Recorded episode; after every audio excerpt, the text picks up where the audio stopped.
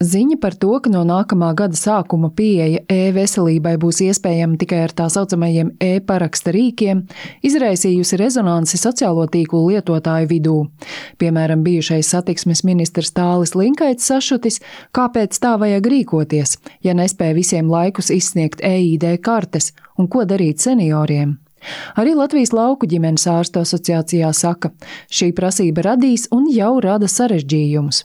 Turpina šīs organizācijas valdes loceklis ģimenes ārsts Ainis Dzalps. Tie kolēģi, kas mēģina lietot šos, te, ko mums piedāvās, kas būs kā vienīgais, ka tie ir krietni sarežģītāki nekā, teiksim, autorizācija izmantojot internetu banku.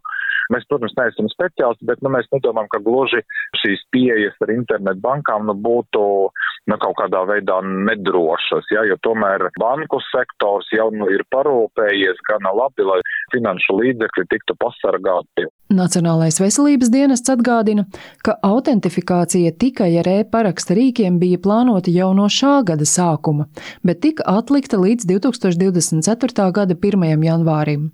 Taču arī nākamā gada sākumā nevienam vien pacientam šo elektronisko rīku vēl nebūs, prognozē Ainis Dzalps. Mēs paredzam, ka sevišķi reģionos tātad šo elektronisko pakalpojumu izmantošanas iespējas būtiski samazināsies, un tas savukārt palielina atkal papildus tādu administratīvo slogu ģimenes ārstiem ar tādu, ja ka mums būs jādrukā šīs darbnespējas lapas pacientiem, ja, jo viņi vienkārši netiek pie tām elektroniskā vidē. E-veselība gan nav vienīgā datu bāze, kur izmanto medicīnā. Pēc Aiņa Dzalba vārdiem, pagaidām tā pilnvērtīgi funkcionē tikai e-recepšu sadaļā un darbnespējas lapu izsniegšanā, uzlabojušās nosūtījuma nosūtīšanas iespējas, bet pārējās jomās sistēma nav attīstīta.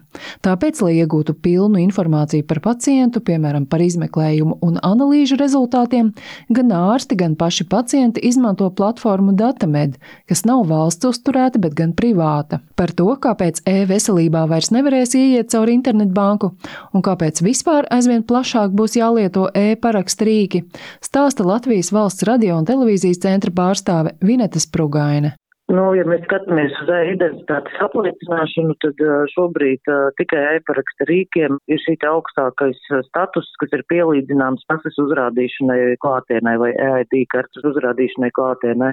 Vienetes Sprugaina arī skaidroja, lai kļūtu par e-paraksta mobīlu lietotāju, EID karte nav vajadzīga.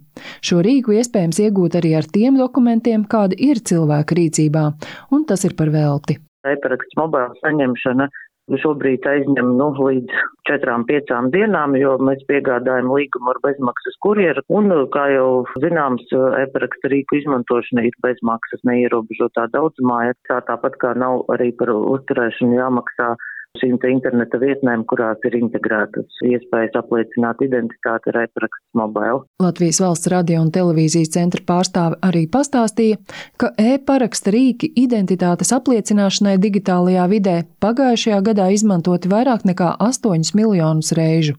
Šogad pirmajos četros mēnešos jau vērojams pieaugums - vidēji miljons reižu mēnesī. Apzinoties, ka ierastā identifikācijas veida maiņa pret citu var radīt nērtības, centrs divreiz mēnesī rīko attālinātas apmācības, kurās ierāda, kā pieteikties, kā saņemt un kā lietot e-parakstu rīkus. Zana Eniņa, Latvijas radio.